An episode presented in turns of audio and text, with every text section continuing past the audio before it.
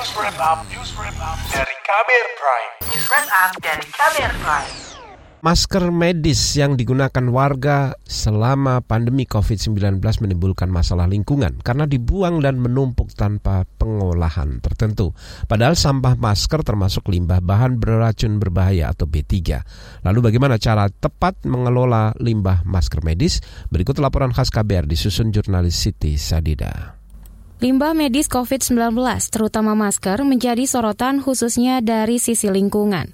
Menurut Lembaga Pemerhati Lingkungan Waste for Change, masker yang sudah tidak terpakai menambah gunungan sampah di Indonesia. Senior Campaign Eksekutif Waste for Change Tanti Yasmin khawatir dengan kondisi tersebut. Di Indonesia, sekitar 420 ton sampah per hari timbulan limbah medis yang dihasilkan dengan kasus positif yang ada di Indonesia. Kemudian masker sekali pakai yang dihasilkan juga kurang lebih ada sekitar 150 juta pieces ya yang dihasilkan sebetulnya alat pelindung diri untuk mencegah penyebaran COVID-19 gitu. Namun masalahnya itu bukan pada bagaimana kita melakukan upaya pencegahan COVID gitu. Namun bagaimana setelah kita menggunakan masker itu, bagaimana kita bijak untuk melakukan upaya pengolahan sampah maskernya. Tanti menyebut mayoritas masyarakat Indonesia tidak peduli terhadap penanganan sampah di Indonesia. Dampaknya, penumpukan sampah, khususnya masker medis, menimbulkan berbagai permasalahan lingkungan. Yang pertama, habitat hewan ini terancam gitu ya akibat sampah masker yang terbuang secara sembarangan. Kemudian di sini juga kita lihat ada berita yang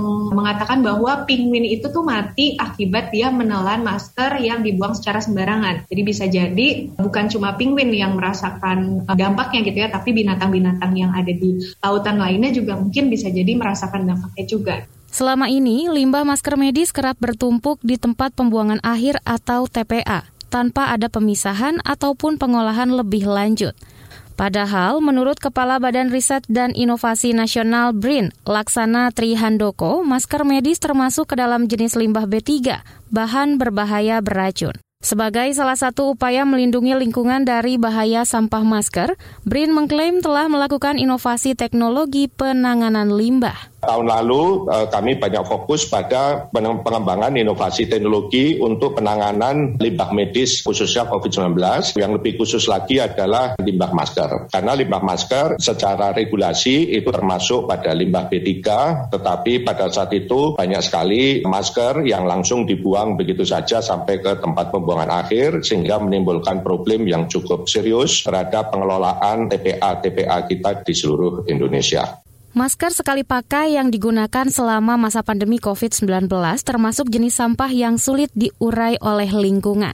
Sebab berbahan dasar plastik. Apalagi penumpukan limbah masker menambah beban kerusakan alam. Pelaksana tugas Kepala Pusat Riset Biometrian BRIN, Dawam Abdullah kita menggunakan dua instrumen yaitu FTIR dan DSC. Ini adalah cara kita untuk mengecek bahan itu plastik atau apa dan plastiknya jenisnya apa kita bisa tahu. Dari sini kita bisa lihat jadi masker yang jenis tiga lapis ini adalah berbahan polipropilen. Polipropilen itu paling gampang kita temui adalah tutup botol minuman dan setelah kita confirm dengan alat uji temperatur ternyata betul ya temperatur lelehnya di sekitar 170 derajat. Kalau di dalam diagnos bahwasanya dua kesimpulan ini kita bisa katakan yes ini masker bahannya adalah polipropilin. Karena berbahan dasar plastik, BRIN menyarankan cara pengolahan sederhana yang dapat dilakukan masyarakat. Dengan pencucian ya dengan larutan deterjen, biasanya kita menggunakan pemutih ya yang ada eh, sodium hipochlorite atau NaOCl begitu. Kemudian kita rendam, ya memang kita pakai safety factor misalkan satu jam sebenarnya 10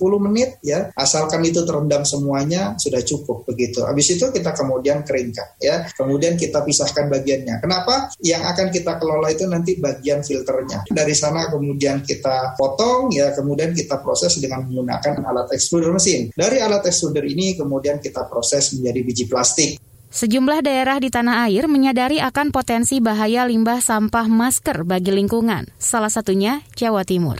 Kepala Bidang Kesehatan Masyarakat Dinas Kesehatan Provinsi Jawa Timur Muhammad Yoto menegaskan bahwa setiap elemen masyarakat bertanggung jawab mengolah limbah yang dihasilkannya, termasuk limbah masker medis. Ternyata setiap orang yang menghasilkan limbah itu wajib memiliki tanggung jawab untuk mengelolanya. Tentu kalau kita secara individu, kita sebagai orang penghasil limbah, sebagai pribadi individu ya harus peduli bagaimana kita harus mengelola dengan baik. Tentunya bagi institusi yang menghasilkan adalah memiliki tanggung jawab. Nah, Dinas Lingkungan Hidup telah memberikan pedoman untuk memperlakukannya harus seperti apa. Laporan ini disusun Siti Sadida Hafsyah, saya Dwi Renjani. Kamu baru saja mendengarkan news wrap up dari Kabir Prime. Dengarkan terus kabirprime.id, podcast for curious mind.